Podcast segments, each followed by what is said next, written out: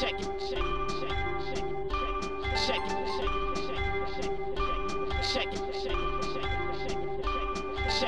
Zapraszamy na kolejny odcinek podcastu Codrive.pl, a w nim kompromis między zdrowiem a wydajnością. Czy porposing to globalny problem Formuły 1, którym powinna zająć się FIA? Czy to jednak zespoły są odpowiedzialne za to, że niektórych kierowców bolą plecy? Ferrari postawiło prędkość nad niezawodnością. Czy zespół z Maranello ma jeszcze szansę wygrać Mistrzostwa Świata? Azerbejdżan jest zwiastunem wielkich problemów, czy naturalną koleją rzeczy? Mattia Binotto zaczyna doszukiwać się także problemów poza swoją ekipą. Jego palec wskazuje na sędziów. A w ten weekend po raz pierwszy od 2019 roku wyruszymy do Kanady. Dlaczego to ulubiony tor Cezarego? Magiczne wyspy, ściana mistrzów i bolidy, które jadą wprost na ciebie. Do tego wspominamy wydarzenia z 2019 roku, kiedy to Sebastian Vettel awanturował się z Lewisem Hamiltonem. Przywołujemy różne anegdoty z poprzednich Grand Prix, a także spacerujemy po Montrealu. Zapraszamy!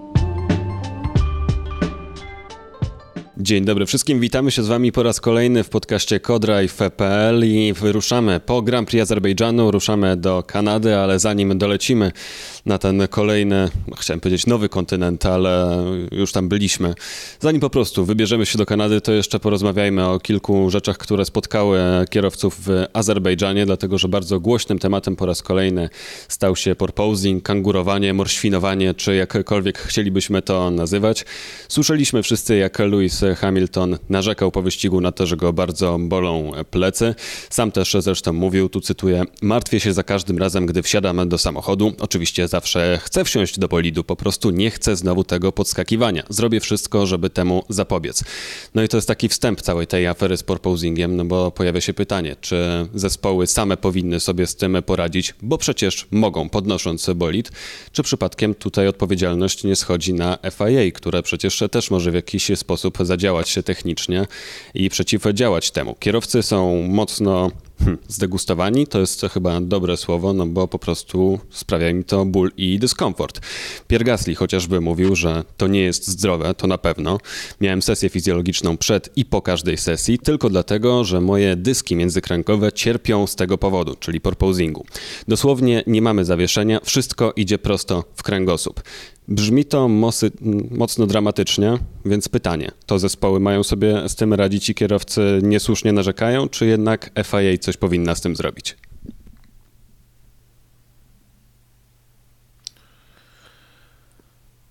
Ciężkie pytanie, ale można to jakby pociągnąć pod różne inne problemy, jakie mogą się pojawić w Formule 1. Typu na przykład Ferrari ma problemy z niezawodnością silników i zgłosili, e, zgłosili akces do FIA, żeby móc je y, jakby wzmocnić, prawda, żeby móc y, sprowadzić poprawki konstrukcyjne, które sprawią, że nie będą się psuły. A FIA nic nie mówi. Nic nie mówi zapewne dlatego, że to w rękach Ferrari leży to, żeby te silniki wytrzymywały. Prawdopodobnie FIA uważa, że gdyby Ferrari y, mniej wyciskało ze swoich silników, to nie trzeba było robić żadnych zmian i te silniki będą wytrzymywały więcej, po prostu. Więc to jest kwestia tej granicy, tylko że tutaj jeszcze porusza się jeden ważny element i to jest coś, co uderza Mercedes. Moim zdaniem przede wszystkim była, jest to kampania generalnie komunikacyjnie opracowana, prawdopodobnie przez ich y, szefa komunikacji, czyli uderzenie w dzwon bezpieczeństwa. Bezpieczeństwo po pierwsze dlatego, że to działa do wyobraźni, stąd y, no, te dramaty Lewis Hamilton został jakby wręcz znaczy nieskarżony. Zwrócono uwagę, że, że odgrywa pantomimę. John Watson, brytyjski, wielki fan jego, brytyjski kierowca, powiedział, że być może powinien przestać iść tak bardzo w pantomimę e, i skupić się bardziej na innych rzeczach nie być e, taką damą w tej pantomimie, bo to też wiesz. Tak, tak, tak. No to jest to coś, co Luis robi od, od, od dekad, tylko że, od dekad, to lat Formuły 1, tylko że teraz, kiedy już e, nie ma najszybszego bolidu i nie wygrywa wszystkiego, co się da, to jego jakby wszystkie osoby, które go tak wcześniej nosiły na rękach, też jakoś, no tak to działa niestety. Łaska pańska na pstrym koniu jeździ. Aż ten, weszliśmy tak do, głęboko, że zapomniałem od czego zacząłem. Natomiast y, y, jest to poruszanie tej nuty bezpieczeństwa, tak? E, z dwóch powodów. Po pierwsze, dlatego, że to jest faktycznie ważny element i to nie tylko kierowcy Mercedesa, ale też i Carlos Sainz y, o tym, y, o tym dużo mówił. E, Daniel Ricardo przyznał, że też ma z tym problemy. Zwróćcie uwagę, że Ferrari Sainz mówi, że trzeba coś z tym zrobić. Pierwszy jakby uderzył w ten, w ten dzwonek, a Charles Leclerc mówi, nie, nie, u mnie wszystko w porządku. No, tam trzęsie trochę, ale mi to nie, nie przeszkadza. Zwróćcie uwagę, który jest silniejszy Ferrari e, który z kierowców sobie radzi lepiej Ferrari. I tak samo Lando Norris no w McLarenie mówi, że nie narzeka. Głosem wszystkim. Tak, Tak, Lando nic nie narzeka McLarenie, Daniel Ricciardo w McLarenie narzeka. W, w pośród kierowców Mercedesa obaj mówią owszem, że trzeba coś z tym zrobić, natomiast generalnie rzecz biorąc, to Lewis odgrywa te, y, ten akt. No i Mercedes sam oczywiście jest, jest, jest z tyłu. No, to, to, co jest... A, uderzam w notę bezpieczeństwa dlatego, że to jest jedyny sposób, jedyna mm, taki haczyk w regulaminie, który pozwala zmienić regulamin w trakcie sezonu bez pytania zespołów o zdanie. Dlatego Mercedes tak mocno uderza w tym kierunku, że do bezpieczeństwa, dlatego George powiedział ten dramatyczny komunikat, że y, tylko patrzeć, aż coś się stanie. Więc z mojej strony, żeby podsumować ten jakby ogólne zagadnienie, nie jest to takie błahe i faktycznie tutaj jest kwestia tego, że zespoły będą chciały jechać coraz szybciej i poświęcają różne elementy dotyczące jazdy i, i kierowców po, po, temu, żeby bolidy jeździły szybciej. Tak, w kokpicie nie jest jakoś szczególnie wygodnie, na przykład nie jest jakoś szczególnie e, chłodno, tak, często tam się nagrzewają do 50-60 stopni Celsjusza, nikt nie wstawi klimatyzacji, przecież to jest ciężar, prawda, bo dzięki temu bolidy są szybsze. Natomiast dlaczego w, te, w, ten, w tym kierunku się nie uderzy? Przecież to przegrzewanie się i odwadnianie jest bardzo niebezpieczne. Mamy Grand Singapuru. Najbardziej wyczerpujący wyścig sezonu na torze ulicznym przy sztucznym świetle. Przecież to jest zagrożenie. Może w takim razie skróćmy wyścig o Grand Prix Singapuru, prawda? Odgórnie niech FIA skróci, bo zespoły będą chciały i kierowcy będą chcieli jechać tyle, ile się da. Tak więc to jest, to, jest kwestia wyważenia e, tego.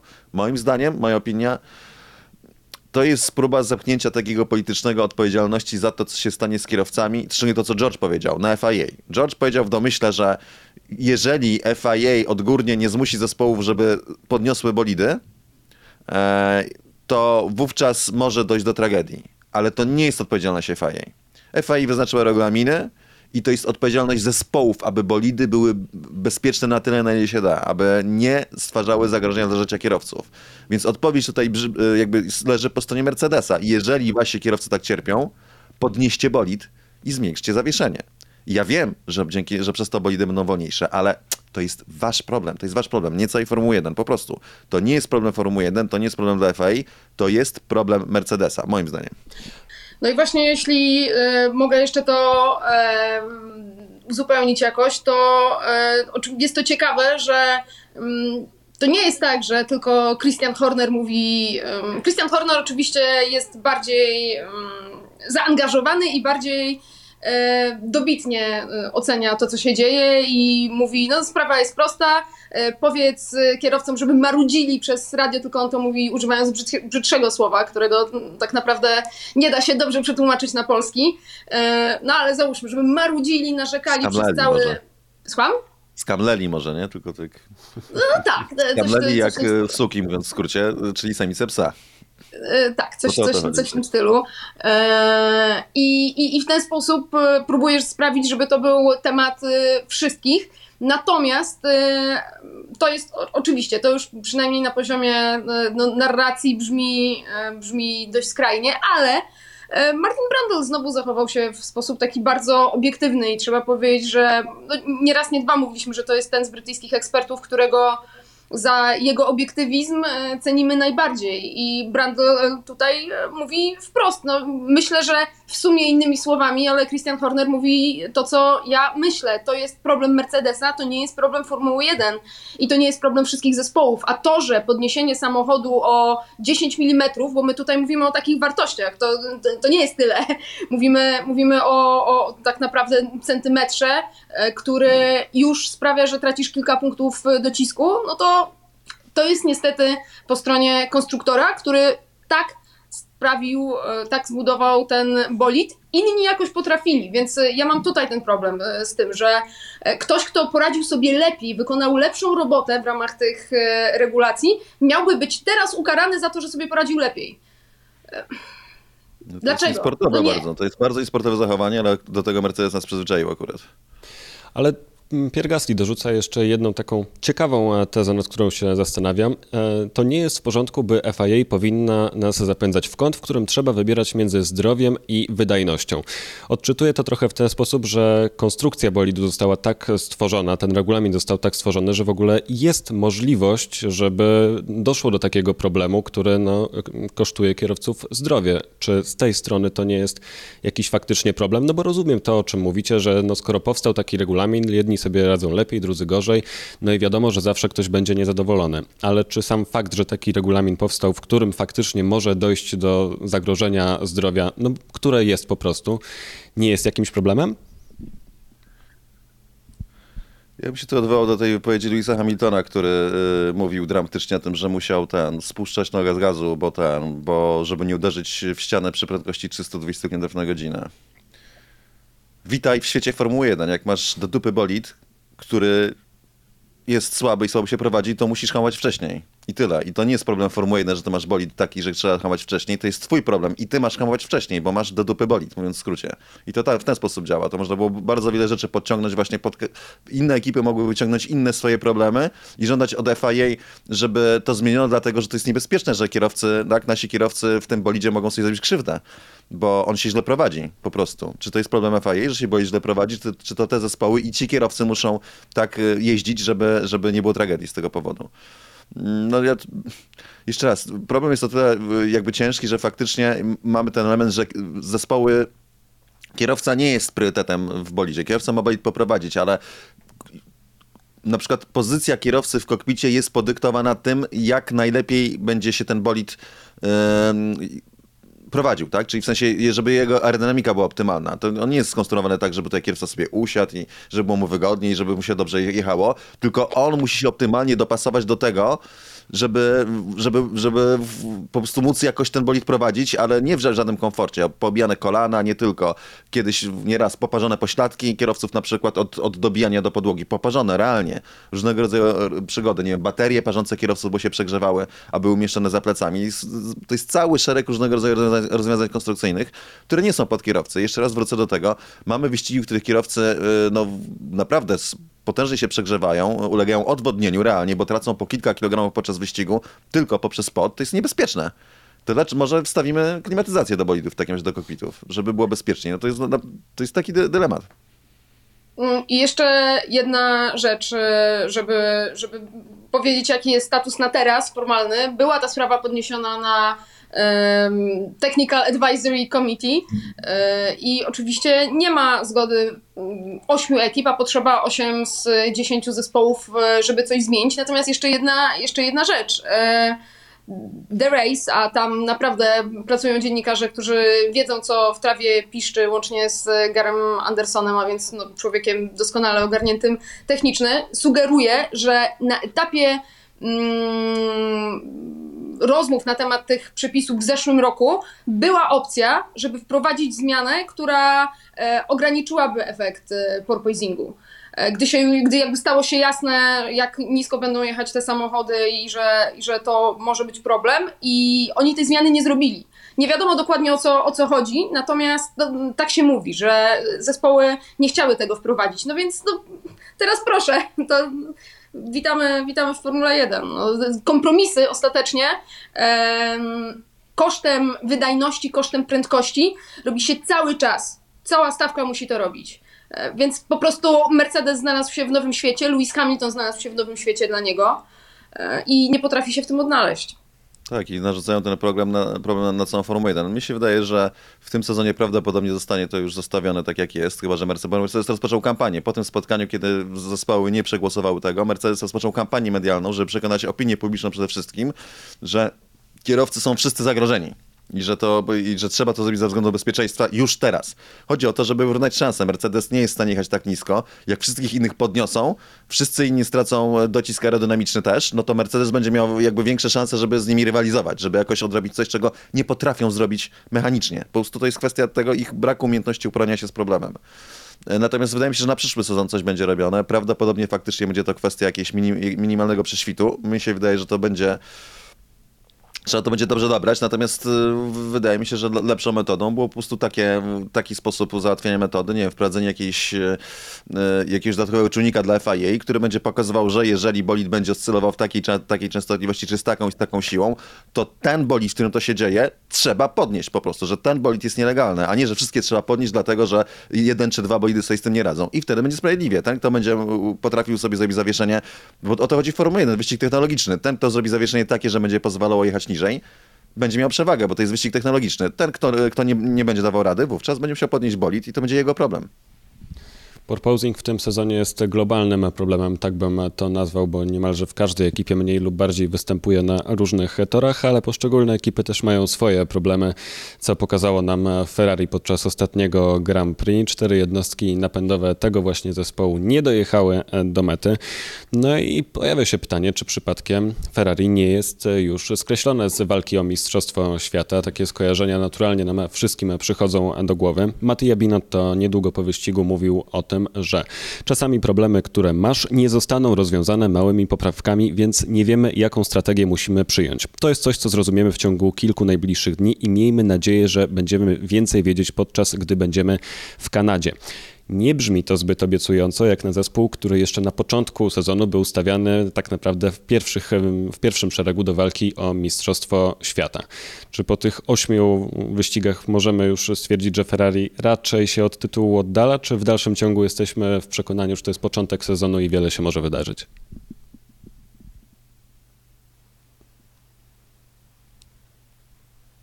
Aldona, możesz zacząć? Wiesz co? Myślę, że znaczy, oczywiście e, jest to kwestia całej filozofii, w jaką poszło Ferrari e, tworząc e, silniki. Kwestia, w której zdecydowali poświęcić niezawodność na rzecz mocy. I Ferrari ma w tej chwili najmocniejszy silnik w stawce. E, natomiast ma silnik e, awaryjny i to widzimy nie tylko w ekipie Ferrari, to widzimy także u ich e, klientów. Jak patrzyliśmy na wyniki Grand Prix Azerbejdżanu, od którego się odbijamy, w pierwszej dziesiątce żadnego silnika Ferrari.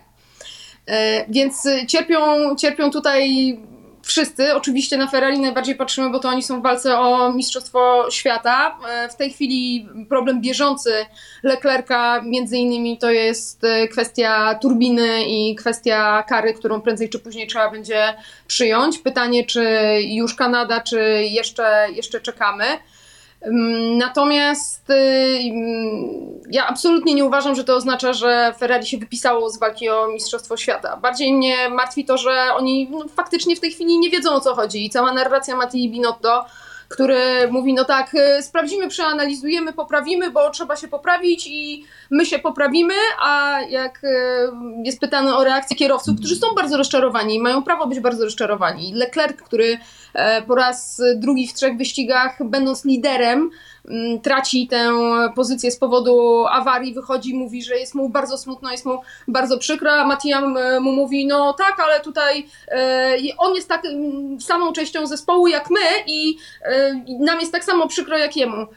No, nie do końca, nie do końca tak to działa i nie jest to coś, co, co ma prawo takiego kierowcę w tym momencie pocieszyć. Natomiast to nie jest koniec Ferrari w walce o Mistrzostwo Świata w tym sezonie.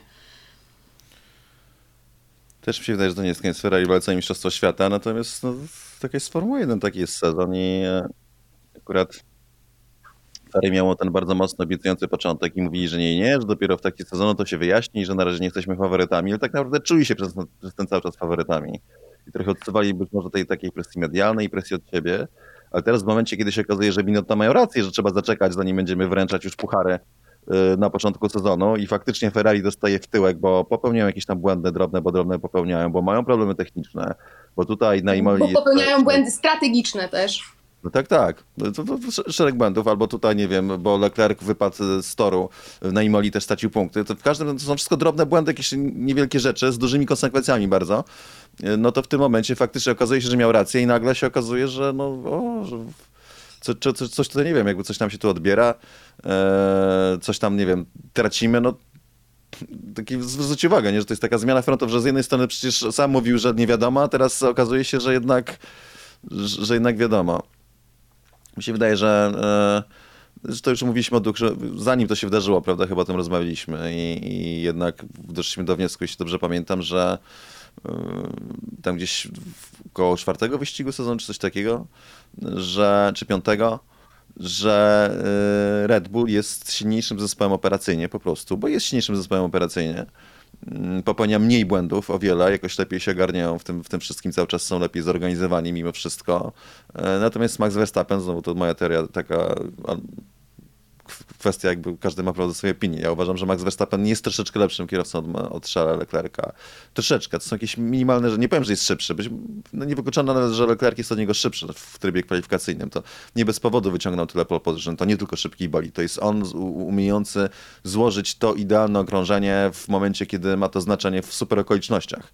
Typu, że wyjeżdża na tor, ma tylko jedną już próbę, bo pierwsza mu nie wyszła i wychodzi i ładuje okrążenie, w którym objeżdża i Verstappena i Sainza w takim samym bolidzie. Tak więc, a wiecie co, przypomniała mi się jedna rzecz jeszcze, yy, bo zapomnieliśmy powiedzieć, wrócimy na chwilę, bo, ale to dotyczy Ferrari, propoisingu, że Sainz był pierwszą osobą, która podniosła larum, że tutaj trzeba uważać, bo to chodzi o zdrowie kierowców, długoterminowe przede wszystkim yy, i teraz Sainz znowu powtórzył, że trzeba coś z tym zrobić. Yy, moim zdaniem to jest też podyktowane tak naprawdę czysto sportowymi kwestiami, to znaczy Ferrari faktycznie jest bolidem, który mocno dobija do ziemi. Tylko, że się e, z tego da się wyciągnąć prędkość. E, I przypuszczam, że jakby jego strata do Leclerca w dużej mierze bierze się z tego, że Leclerc wchodząc w zakręt, bo to jest, chodzi o hamowanie, hamujesz, jedziesz bardzo szybko, auto dobija, tu, tu, tu jest niestabilne i ty musisz podjąć dobrą decyzję, gdzie, jak, kiedy skręcić i zareagować, jak coś się e, wydarzy.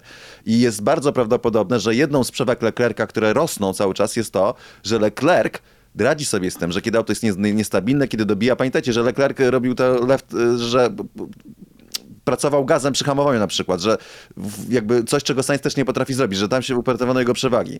Że po prostu Leclerc lepiej sobie radzi z opanowaniem bolidu w wejściu w zakręt, kiedy bolid dobija, a Sainz gorzej. I to jest kolejny ten element sportowy, który sprawia, że i Sainz podnosi larum, dlatego, że w jego interesie jest to, żeby oba bolidy jechały wyżej, bo wtedy zbliży się do Leclerca. Jestem przekonany, że to jest też kwestia sportowa. E, A tak, w ogóle przecież pamiętacie, że pierwszy raz, kiedy e, zauważono e, dobijanie, to najbardziej dotkliwe ono było właśnie Ferrari. Zauważono to na podstawie Ferrari pierwszego, tak, tak, tak, tak pierwszej tak. godziny w Barcelonie testów. A wracając jeszcze do kwestii Ferrari, no to oczywiście no, Znowu, to jest ich problem, mówiąc w skrócie. Natomiast nie wiem, czy był jakiś problem na łączach i, i nie słyszałem jakby wprowadzenia. W Ferrari się pojawia też taki element szukania już wroga z zewnątrz i problemów z zewnątrz. Czyli na przykład Doug Binotto ostatnio wystosował taki, e, taki apel, że Ferrari jest e, krzywdzone z decyzjami sędziowskimi. Nie wiem, czy zwróciliście na to uwagę. No ale tak delikatnie bardzo powiedział, no bo jeszcze zwraca uwagę na to, że rozumieją, że to jest trudne podejmowanie takich decyzji, że nie da się nauczyć tego od pierwszego wyścigu. Więc nie jest to taki krzyk no jak tak, Toto ale, Wolfa. E, tak, ale gdzie ostatecznie, skąd się bierzą, biorą problemy Ferrari? Dlaczego Charles Leclerc ma już trzecie miejsce w mistrzostwach i stratę ilu? 36 punktów czy 4, coś takiego? Do Maxa Verstappena, dlatego że go sędziowie źle potraktowali? Czy dlatego, że co, że sędziowie lepiej potraktowali w Ferrari w Monaco, gdzie zostało udowodnione, że potraktowali zgodnie z przepisami e, ostatecznie, z regulaminem sportowym? Czy dlatego, że to Ferrari traci punkty? E, ja chciałam powiedzieć, że ja wiem, kiedy Ferrari zostało potraktowane e, tak bardzo niesprawiedliwie, mianowicie była taka dyrektywa techniczna dotycząca silników, nie wiem czy słyszeliście, e, parę lat temu i, i to, to, to. Takie niesprawiedliwe było. Chyba nie o to mu chodziło, ale rozumiem, do czego pani pije. Ale to rozumiem, że po prostu Ferrari już zaczyna szukać problemów poza swoim zespołem, albo przynajmniej odwracać uwagę od tego, co się dzieje bezpośrednio u nich w garażu.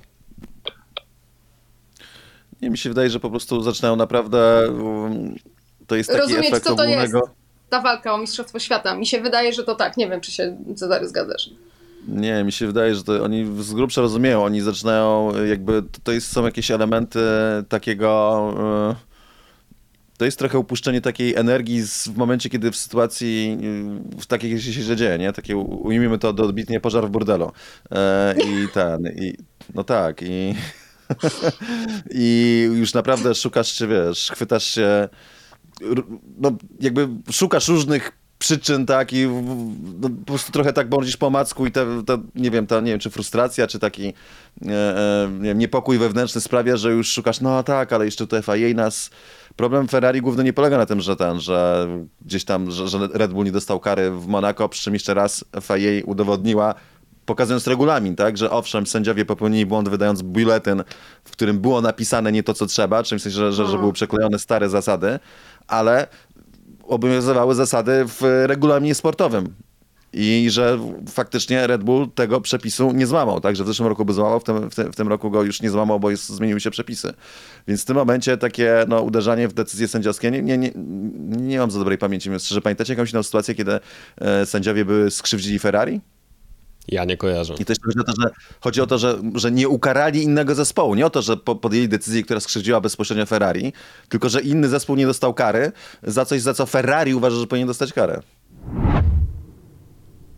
No a jak Ferrari poradzi sobie w Kanadzie, tego dowiemy się już w najbliższy weekend. No czekamy na decyzję przede wszystkim w związku z tym, czy Charles Leclerc dostanie kary za zmianę turbosprężarki, czy, czy zostanie na starej, na tej pierwszej, której użył w tym e, sezonie.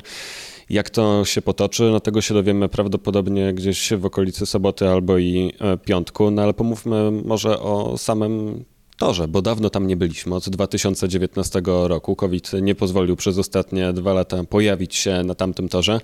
A wiem, e, Cezary, że to jest chyba jeden z Twoich ulubionych, jak nie najbardziej ulubiony tor z całego kalendarza. Jest to mój najbardziej ulubiony tor z całego kalendarza. Jeszcze uprzedzę, był ulubiony najdługo zanim Robert Kubica w ogóle pojawił się w Formule 1, albo w ogóle zanim usłyszano Robercie de facto, e, bo od, od wielu, wielu lat. Mm, z wielu powodów. Pierwszy to jest taki, że tam prawie zawsze jest bardzo ciekawe ściganie. Wydarzyło się dużo super ciekawych rzeczy w Grand Prix Kanady i to jest kwestia tego, że jest to tor taki bardzo trudny. E, tor, który wymaga od kierowcy absolutnej precyzji, i fantastycznego wyczucia, dlatego że zostawia bardzo mało marginesów na błędy w pewnych, w pewnych sekcjach. Chodzi o to, że tor jest w, jakby wybudowany na sztucznej wyspie i de facto przez, nie, nie wszędzie to widać w kamerach, ale przez długą część, dużą część trasy tak naprawdę zaraz obok toru sąsiaduje e, woda. Jest to albo rzeka, bardzo porywista, albo wewnętrzne takie jezioro, albo jeszcze jest tam tor wioślarski zaraz obok. Jest po prostu te, te drogi w wielu miejscach są wyznaczone między, między akwenami, tylko tego za bardzo nie widać. W związku z tym nie ma stref ucieczki. I to jest taki tor, ich jest bardzo mało, bo to jest też dość tor szybki, i tor typu start-stop. Tam nie ma, nie ma szybkich łuków, są tylko głównie szykany yy, wolne albo średnie szykany, góra średnie, yy, wolne nawrót, wolne zakręty, natomiast nie ma szybkich łuków, i, czyli start-stop, że przyspieszasz, potem trzeba zrobić bardzo precyzyjne hamowanie, wejść w szykany albo w zakręt i rzecz kluczowa, odpowiednio wcześniej nacisnąć gaz, nacisnąć gaz, dlatego że zaraz potem znowu jest kawałek prostej, tylko że zaraz y, na wyjściu, zaraz obok tarki nie ma y, sztucznej trawy, nie ma asfaltu, nie ma żwirku, tylko jest od razu mur ściana mistrzów słynna, czyli ten wyjście z ostatniej sekwencji e, zakrętów, czyli ta słynna ściana, gdzie chyba w 99 roku trzech mistrzów świata Formuły 1 uderzyło. To był Jacques Villeneuve, jeśli dobrze pamiętam, Damon Hill i Michael Schumacher, a jakby doliczyć jeszcze, że Ricardo Zonta wtedy był mistrzem świata e, w prototypach sportowych, to tak naprawdę czterech mistrzów świata, bo Zonta nie był mistrzem świata Formuły 1 nigdy. E, w ogóle fantastyczne miejsce, które uwielbiam i, no, jedno z moich najlubniejszych miejsc na świecie na, na to, żeby stanąć tam, bo tam można jeszcze do niedawna, kiedy ostatnio tam byłem w 2019 roku, ciągle można było dojść i stanąć dosłownie nad ścianą mistrzów, bo tam się stoi jakieś tam e, trochę wyżej, jest to wysypane. Więc kierowcy wypadają z tego ostatniego, z tej ostatniej szykany i jadą prosto na ciebie. I ty stoisz po prostu tuż przy tej, przy, przy tej siatce i one przejeżdżają obok. I jest to, nie, nie, da się porównać tego przeżycia z niczym innym. Po prostu wypada na ciebie rozpędzony bolid Formuły 1 i kiedy obok ciebie przejeżdża, to czujesz podmuch powietrza, włosy ci rozwiewa, jak się ma szczęście, ma włosy. Yy, dlatego, że aerodynamika, tak? Bolid rozpycha aerodynamikę, no, siu, idzie na tobie, na, na, na, ciebie. A jak jeszcze były te stare silniki, poprzednie V8, które były bardzo głośne, to jeszcze wszystko ci drży na zewnątrz i w środku środku od wibracji, bo jest tak cholernie głośno i na takie wchodzą y, obroty.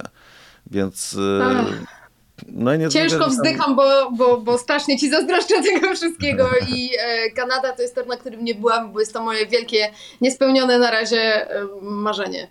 To by się spełniło, naprawdę... bo, bo jest to Mega. absolutnie wyjątkowy tor i super fajnie zrobić spacer po tym torze. Jeździłem po tym torze samochodem dwa razy. E, raz Voyagerem, E, na pokładzie razem z, wtedy akurat przez krótki czas mam epizod, że byłem e, reporterem Polsatu e, i byliśmy wtedy na Grand Prix Kanady, to był 2007 rok i pojechaliśmy zobaczyć po prostu to miejsce, gdzie Robert miał wypadek. Zrobić oględziny, mam całą dokumentację zdjęciową z tego, jak się to stało. Robert się podbił na takiej kępce trawy, w sensie, że tu, tu był taki pas jeden idący poprzek toru i to była taka kępka trawy, czyli jak ją nadepnąć, to się robiła taka, to mniej więcej. Tylko, że była taka prędkość, że jak skrzydło było wbite pod koła, to po prostu tak podbiło, że poszybowało, zresztą Robert twierdzi, że to było szczęście jego, że poszybował bolid, bo się energia inaczej rozeszła. I potem oczywiście trącenie w jedną ścianę, za tą ścianą zaraz siedział Scott Speed, kierowca amerykański, pytałem go to, co, co, co on, jak on zareagował, że, że po prostu siedział sobie na e, takim, e, to nie jest leżak, ten taki, to co mieliśmy w tym, w Grand Kalifornii, to jak to się nazywa, to, to siedzenie Aldona? Yy, Nazwałaś to, ostatnio. Nie wiem, no takie krzesło turystyczne. No powiedzmy, krzesło, no, jest na to jedno słowo, przepraszam, teraz mi wiedział. Nazwałaś to, jak robiliśmy materiał. No, siedział na takim krzesełku rozkładanym, z którego słynie Fernando Alonso eee, i po prostu przed nim no, o tą ścianę się najpierw odbił bolid y, tak bardziej w prawo, a potem w drugą y, przyładował. Więc e, no w ogóle w tym miejscu jeszcze tam są, to, to, tam jakby, bo to jest takie betonowe kloce, które oddzielają nitkę toru, który przebiega w, w obie strony bo dojeżdża się do nawrotu i się jakby nawraca, jedzie się w drugą stronę. To ten kloc betonowy, one są, one były zamocowane jeszcze takimi metalowymi łącznikami, to ten kloc, który uderzył Robert, był przesunięty o parę centymetrów w prawo. Także było widać wygnieciony ślad na ziemi w ogóle, bo on stał przecież, tak, bo trawa i wygnieciony taki po prostu przez ten kloc, tam nie rosła trawa, tak, po, po tym klocem ślad, bo tak się przesunął i wyłamany w ogóle mocowanie. Pękł, pękł ten mur. W ogóle Robert, z tego co dobrze pamiętam, że ten, że yy, myślał, że, że, że po drugiej stronie wylądował. Nie wiedział w ogóle na początku, że, że się odbiło tej ściany. No to już powiedzmy inna historia. E, więc jeździłem, wracając, jeździłem potem też samochodem, potem jak byłem ostatnio w 2019 roku jeździłem jakimś tam Mitsubishi Mirai czy innym shitboxem. E, mam to nagrane zresztą na moim YouTubie, może jakoś to, to też w, w, podbiję, tę przejażdżkę. Mm, drugie miejsce takie, gdzie, gdzie trzeba uważać na ścianę, gdzie jest ta wlotowa, takie bardzo charakterystyczne, to jest pierwsza czekana. Oni jadą do końca prosto, jadą taki lewy i potem taki prawy. Ten prawy to jest tak naprawdę niemal nawrót. To trzeba po jak się jest na torze, w, w, w telewizji tego nie widać, bo przejeżdżają go wolno, ale już wystarczająco szybko, żeby, żeby tego nie zauważyć. Eee, dopiero jak się, i w, w grach też to aż tak nie wychodzi, dopiero jak się jest na torze i się zrobi obchód, to widać, że de facto ten prawy zakręt to jest, to jest niemal nawrót. Tam niewiele brakuje stopni, żeby to był nawrót. Zanim jest ta szykana i to jest drugie miejsce tam, gdzie często się zdarza, że kierowca podbity na tarce po prostu wpada, bo wpada na ścianę, tak, w, w przeciwległą. I to jest też miejsce, gdzie trzeba de facto, to jest ważne, że trzeba wcisnąć gaz, zanim się zbliży do ściany, czyli przejeżdżasz szykanę i już podjeżdżając pod ścianę idziesz sklepką. I w tym momencie, to, tak one mają tysiąc koni, teraz bolidy, jak coś tam źle obliczysz, no to albo ją otrzesz minimum, a zwróć uwagę, ile było otarć w baku. I teraz w Kanadzie może być podobnie. Po prostu tak jadą do limitu, że tylu kierowców tak często ociera się o ścianę, więc przypuszczam, że będzie dużo całowania ścian, czasami zbyt mocnego, jeśli chodzi o Kanadę. To są takie miejsca. Wchodzisz, wciskasz gaz i nie możesz za wcześnie, bo to jest dalej sprosta. Jak wciśniesz za wcześnie, tracisz dużo czasu, 20, 30 sekundy.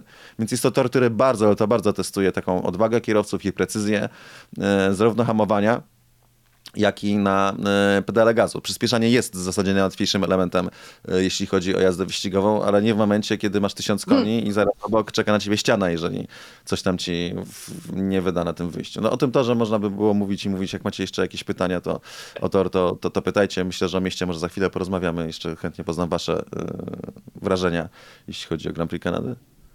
Myślę, że Cezary zachęciłeś wszystkich do tego, żeby oglądali Grand Prix Kanady.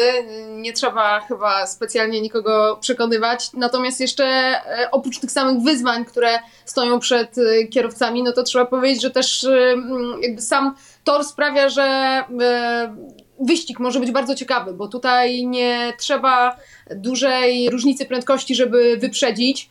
E, relatywnie sporo manewrów, jak na inne tory, jest e, wyprzedzania, było do tej pory wykonywanych e, bez DRS-u, bo tam z DRS-em 75%, ale da się, ta jedna czwarta da się, da się też bez mm. DRS-u. No i też strategicznie może być, może być ciekawie, bo to jest tor, na którym najmniej się traci ze wszystkich torów w kalendarzu Formuły 1 na przejeździe przez pit lane, tylko 18 sekund, więc mm. szczególnie jeżeli jeszcze warunki są e, zmienne, e, można się pobawić e, strategią. Wprawdzie no, ostatni raz, gdy Formuła 1 była w Kanadzie, czyli w 2019 roku, to jakoś szczególnych wariacji nie było, bo 17 kierowców pojechało na, na jeden pit stop, a tylko trzech inaczej. Natomiast no, jest potencjał też w samym tym w samej tej nicy toru na to, żeby, żeby naprawdę tam się dużo działo. No to dlatego, że opony się nie zużywały, prawda? To no w Kanadzie zazwyczaj no, nawierzchnia jakoś mocno opon nie obciąża. E, no generalnie jest też brudna od początku. To jeszcze, żeby skończyć to, co będzie pewnie znowu, nie, nie przypadkiem po Baku ten temat został rozdmuchany, że bezpieczeństwo i tak dalej, dobijanie, dlatego, że po pierwsze Baku jest torem nierównym i z długą prostą, więc ten efekt jest y, wyolbrzymiony i w Kanadzie będzie podobnie. Kanada też ma taką długą prostą, nie taką jak Baku, ale ma długą prostą, też będzie wyboista najprawdopodobniej, bo jest to tor uliczny bądź co bądź, więc y, to jest dobry taki, żeby był taki podwójny strzał, żeby można było jeszcze, jeszcze jeżeli odpukać i któremuś kierowcy się zdarzy przygoda, pewnie się zdarzy, dlatego że w Kanadzie po prostu niezależnie od koncepcji bolidów, kierowcy mają wypadki, tak? Yy, uderzają w ścianę, bo są one bardzo blisko, no to w tym momencie wydaje mi się, że to będzie jeszcze bardziej rozdmuchane. Czekam po prostu z zapartym tchem na to, jak to będzie dalej rozgrywane medialnie, bo jest to rozgrywka medialna i Kanada jest idealnym miejscem, żeby to jeszcze bardziej roz, rozdmuchać. Zapowiadacie dobre ściganie. Wszyscy chyba jesteśmy zakochani w Kanadzie, abstrahując oczywiście od wydarzeń z 2008 roku, ale tak się zastanawiam, no bo po pierwsze jest to chyba tor kierowców, to możemy z 2007 i 2008 w zasadzie, bym powiedział. E, natomiast... Nie, 2007 powiedzmy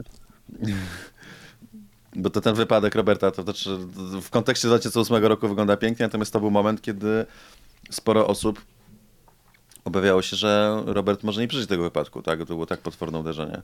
A 2008 no to był z kolei ten. Y, no na szczęście z perspektywy możemy mówić i o jednym i o drugim dzisiaj z trochę większym e, uśmiechem, e, ale bije do tego, e, na których kierowców byście stawiali i jak duży wpływ będą miały osiągi bolidów na torze, w którym Formuła 1 nie ścigała się od dwóch lat i czy to w ogóle będzie miało jakiś wpływ, że jednak nie było tam F1 w zeszłym roku i dwa lata temu, tylko właśnie w 2019. Znaczy wiecie co, mimo wszystko większość kierowców tak naprawdę ten e, tor dobrze zna. E, trochę się boję o mistrza czerwonych flag w kwalifikacjach Yukiego Tsunodę. E, pewnie, pewnie debiutantom nie będzie, nie będzie łatwo, no bo to jest tor, w którym będą, na którym będą jechać po raz pierwszy. Natomiast znaczy debiutantom, tym, którzy nie tylko tegorocznemu Guaniu Zhou, ale też zeszłorocznemu Tsunodzie i tak dalej. Boję się o Mika Schumachera, że Nicolas Latifi będzie miał bardzo stresujące sesje.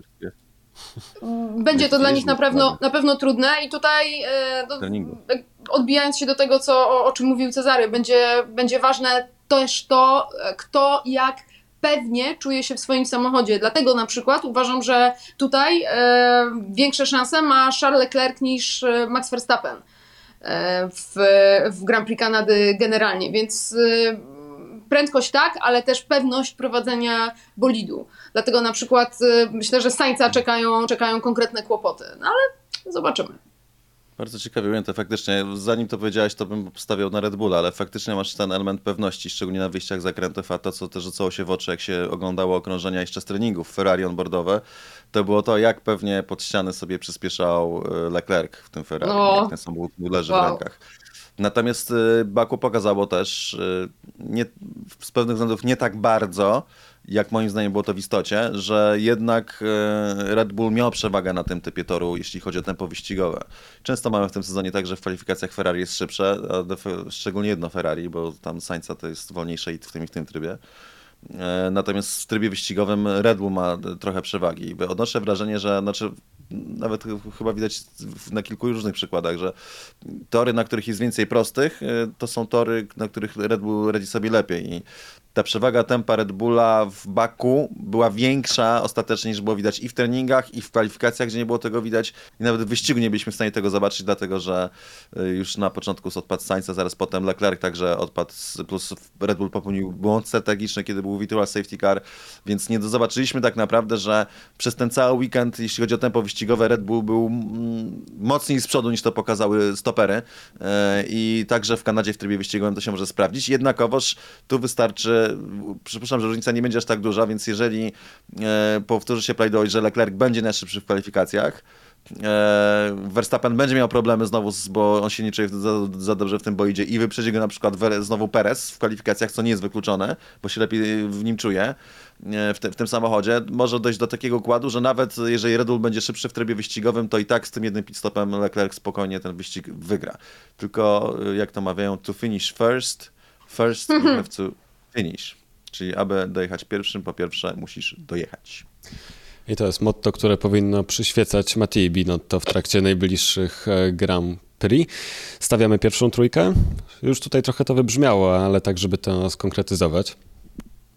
Ja myślę, że poruszamy się wokół tych samych nazwisk, natomiast pamiętajmy też, że Grand Prix Kanady to jest wyścig, który ma duży potencjał na niespodzianki. Tam się, dlatego to był mój ulubiony wyścig od lat, że tam się często zdarzały jakieś nieprzewidywalne e, wyniki, więc e, dla mnie podejrzani na podium są zawsze ci sami, to jest trójka Leclerc, Perez y, i Verstappen, jeżeli się komu, któryś z nich noga powinie, a błędu nie popełni Sainz albo mu się nic nie zepsuje, to Carlos Sainz chodzi wtedy na to miejsce. Ale tu jest potencjał na podium dla kierowcy z, jakby spoza układu. No teraz ostatnio mieliśmy George'a Russella na podium spoza układu. Nie wiem, czy chcielibyście jeszcze posłuchać generalnie, zanim popowiecie swoje typy, e, szerzej o Montrealu, ale, ale to, to zostawiam wam, natomiast teraz wasze typy.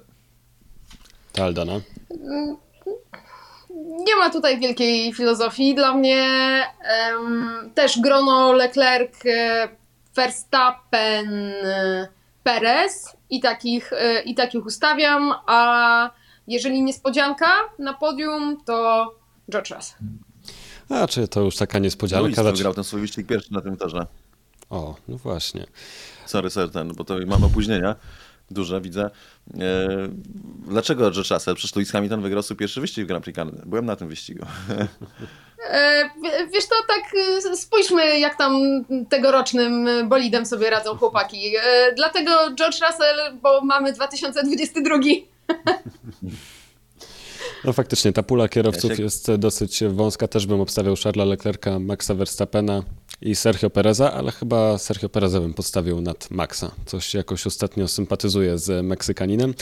E, ale tak, jeszcze skoro jesteśmy przy Grand Prix e, Kanady, no to nie siedźmy tylko na samym torze, no bo po Montrealu też można się przejść i coś miłego na pewno zobaczyć, skoro to takie miejsce, w które tak często lubisz wracać, Cezary.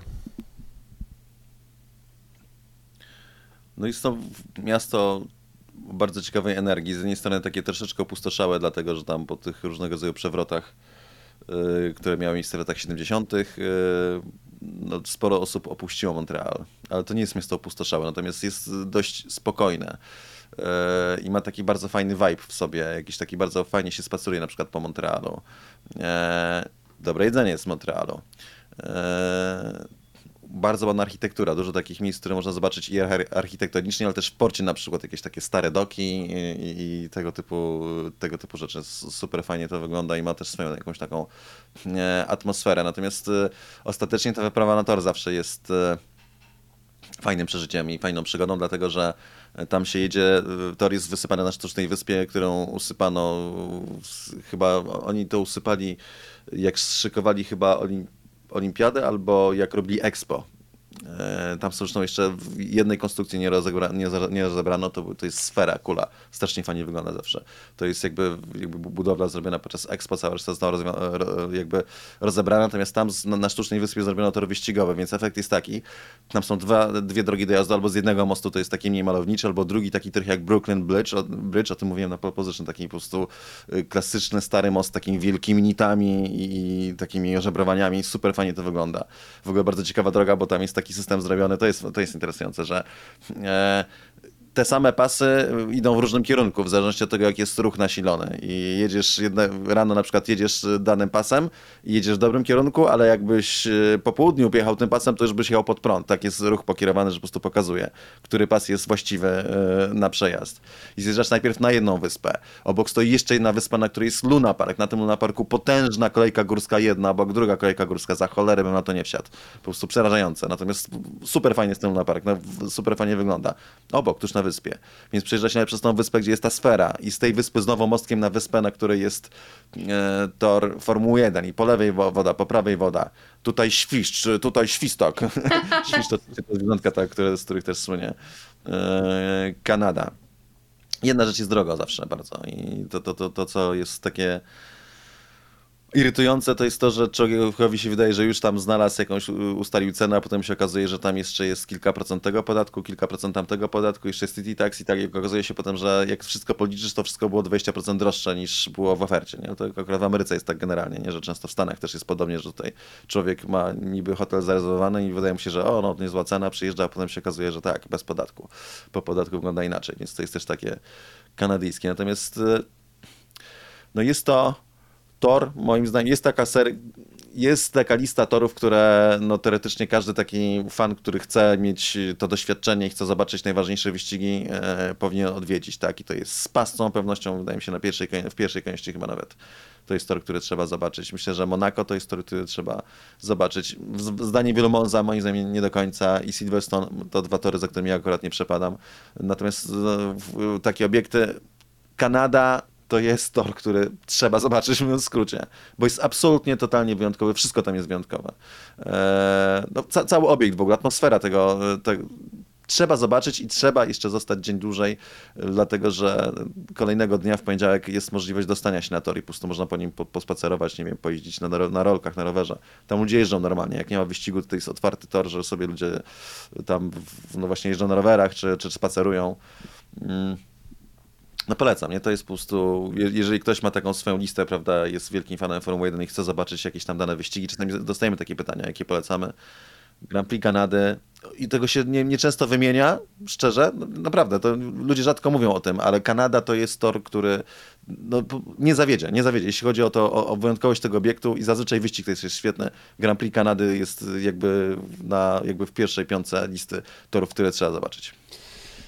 To w takim razie chyba nie pozostaje nam nic innego, jak oczekiwać po prostu na rozpoczęcie tego wyścigu. 20 w niedzielę to czasu polskiego, wtedy się rozpocznie ten wyścig, a ja wspominam jeszcze 2019 rok, kiedy Sebastian Vettel wkurzony przestawiał ten pałąk z numerem 1 po tym, gdy dostał 5 sekund kary, gdy niebezpiecznie powrócił na tor.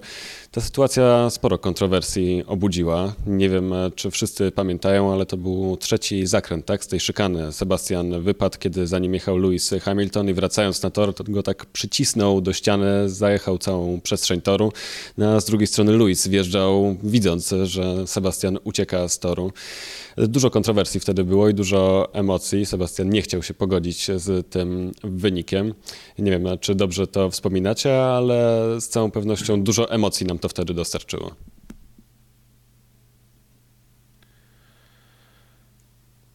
Pardona? Sebastian wtedy trochę pokazał tę jego twarz, którą e, znamy chociażby z Baku, wtedy kiedy e, wjechał na Luisa, czyli człowieka bardzo emocjonalnego, człowieka, który mm, no, jednak reaguje pod wpływem jakiegoś nagłego impulsu.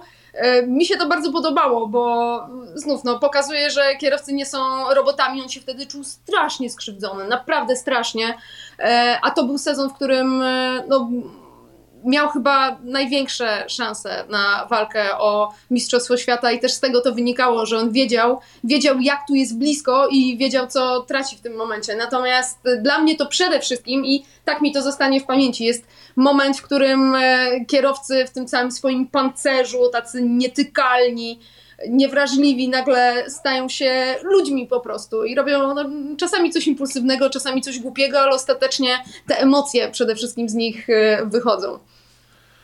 No ja uważam, że i zawsze tak uważałem, że to było, to była przesada, to był przejaw faworyzowania, znaczy nie tyle faworyzowania, tego jakby świętokrowstwa Louisa Hamiltona, że tutaj co Louis nie zrobi, to wszyscy powinni na niego uważać.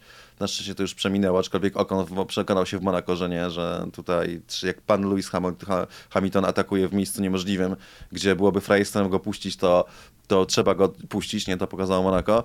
E, I to była, to była bardzo podobna sytuacja. Znaczy generalnie to był incydent wyścigowy na 100%. W sensie, że Vettel popełnił błąd, dał ciało, jak to Vettel, zrobił Vettelszczyznę, ale przeciął tor, ale był z przodu. Oni to powiedzieli, że on niebezpiecznie wracał na tor. To nie było to, że on niebezpiecznie wracał na tor. On był już na torze i on mówi, że go wrzuciło do prawej, że nie blokował Luisa, tylko po prostu nie mógł. Wracał na tor. Uważam, że akurat, że, że on to zrobił specjalnie też, że, że, że też jakby dojechał do. Bo, bo, nie będzie puszczał kierowcy, którego dopiero co zaczyna atakować z tyłu. Luis wjeżdżał w miejsce, gdzie, które było bardzo ryzykowne, e, gdzie trzeba się liczyć w Kanadzie. No sorry, no przecież nikt ci nie da miejsca, bo znowu, jeżeli ktoś ciągnie jest przed tobą, to cię nie przepuści. Ale to jest coś, czego Luis zawsze oczekuje, prawda, że mnie będą puszczali.